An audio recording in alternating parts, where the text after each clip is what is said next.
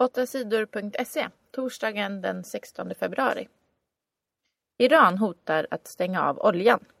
Iran hotar att redan nu stoppa försäljningen av olja till EU-länderna Spanien, Grekland, Italien, Nederländerna, Portugal och Frankrike.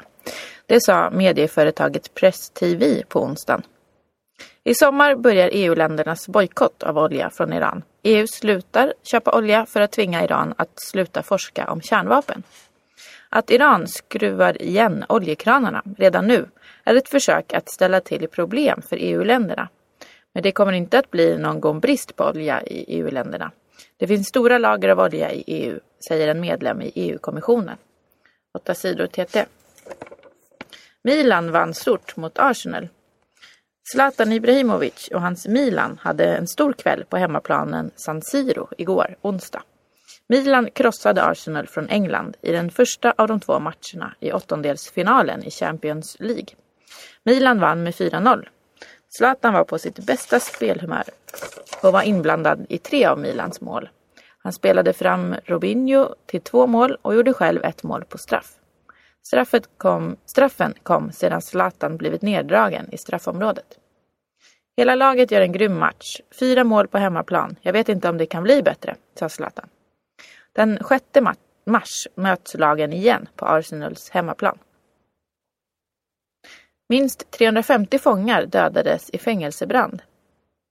Under natten till onsdagen började det brinna i fängelset Comayagua i landet Honduras i Latinamerika. Fängelset var fullt med fångar och många av dem satt inlåsta i sina celler. De hade ingen chans att komma undan elden. Minst 350 fångar dog i branden. Det är vanligt med upplopp och bränder i fängelser i Honduras. Fängelserna har många fler fångar än vad de är byggda för. Det här var den värsta fängelsekatastrofen i Latinamerika på 25 år. Nya misstankar mot Iran. Oron ökar bland EUs länder att Iran håller på att tillverka kärnvapen. I onsdags startade Irans president Mahmoud Ahmadinejad en ny testreaktor. Han bestämde också att fyra nya reaktorer för forskning ska byggas. Där ska Iran ta fram bränsle till kärnkraftverk. Men FNs experter tror inte att det stämmer.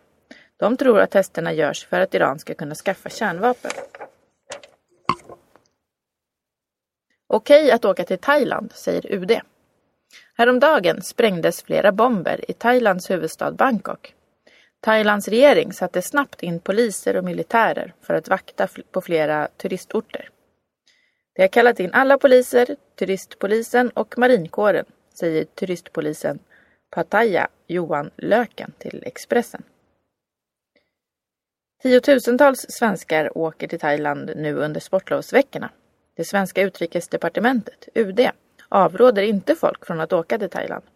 Det finns inget hot mot Sverige eller svenskar, säger UDs presschef Anders Görle. 8 sidor TT. 30 000 fick fel pensionsbrev.